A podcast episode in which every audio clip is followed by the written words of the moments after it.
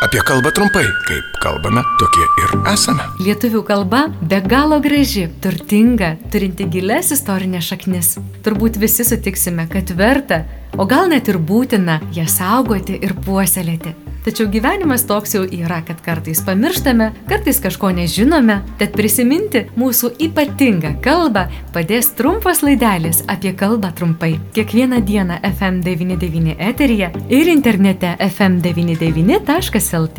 O jeigu jums kyla klausimų, kaip žodžius kirčiuoti, rašyti, kaip vartoti, Rašykite ir klauskite FM99 eta fm99.lt. Prie projektų finansavimo prisideda Spaudos radio ir televizijos rėmimo fondas. Sveiki, Studijoje prie mikrofono Eglė Melinauskinė. Šiandien draugė su Vilniaus universiteto lietuvių kalbos katedros profesorė Irena Smetonienė prisiminsime raidžių I ir I vartojimą. Žaizda gyja ar gyja? Lietus lyja ar lyja? Dabar pasakykite, o kaip yra dzūkų tarmėje. Čia trumpasis? I, trumpasis lyja, sakom. Aha. Mhm.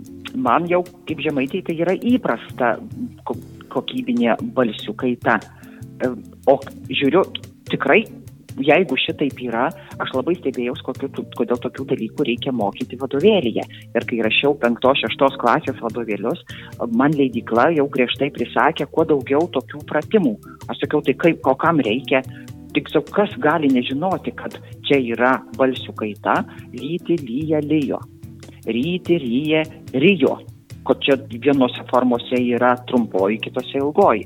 Jie su manimi kalbas nesileido, sakė, prašymas yra tik pridėti daugiau pratimų. Dabar taip. suprantu, jeigu nors vienoje tarmėje taip yra, vargšai vaikai privalo tos balsių kaitos mokytis. Mhm. O čia taip yra nuo seno iš prokalbės ateina. Juk vaikam matyt, labai paprasta yra pasakyti, yra trys pagrindinės formos, kaip ir kitose kalbose kaip anglų, kai jie mokosi trijų formų. Tik tos trys formos yra bendratis, esamojo laiko trečias asmuo ir būtojo kartinio laiko trečias asmuo. Tos formos, kaip ir kitose kalbose, gali skirtis. Ir kai kurių dalykų tenka pasimokyti.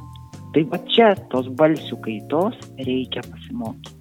I ir U čia svarbiausia, man atrodo, yra daugiau su kitais problemų nekyla, jeigu ir būna tai tik priegaidės ar tarimas. O po kirčių pailgėjęsgi vis tiek nerašome nosinės raidės nei E, nei A. Atsiminti, mintinai. Manau, kad taip, vis dėlto yra dalykų, kurių kalboje, kad ir kokia būtų paprasta mūsų kalba, o užsieniečiams jiems atrodo mūsų labai paprasta kalba, kaip mes rašom, taip ir tariam, bet reikia pripažinti, kad yra keli atvejai, kuriuos mums reikia išmokti net ir gimtakalbiams reikia. Ir nė, nėra nuostabu, um, vokiečių mokslininko radau uh, paaiškinimą, kuris irgi vadovėlius rašo ir su studentais dirba irgi lingvistas pats. Jis sakė, norint taisyklingai vokiškai kalbėti, reikia įdėti labai daug pastangų. Net ir gimtakalbiai vokiečių kalbos turi mokytis.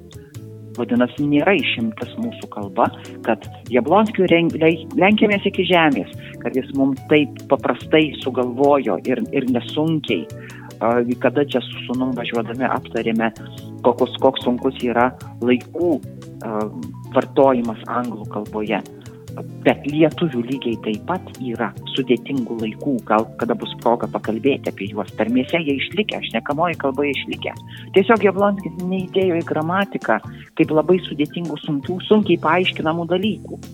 Ir atrodo, kad lietuviškai mes tokių baisių laikų neturime. Tai lygiai tas pats ir balsių kaita. Tos kelis dalykus, na, galim išmokti. Tikrai galim. Apie kalbą trumpai. Laidą remia Spaudos radio ir televizijos rėmimo fondas.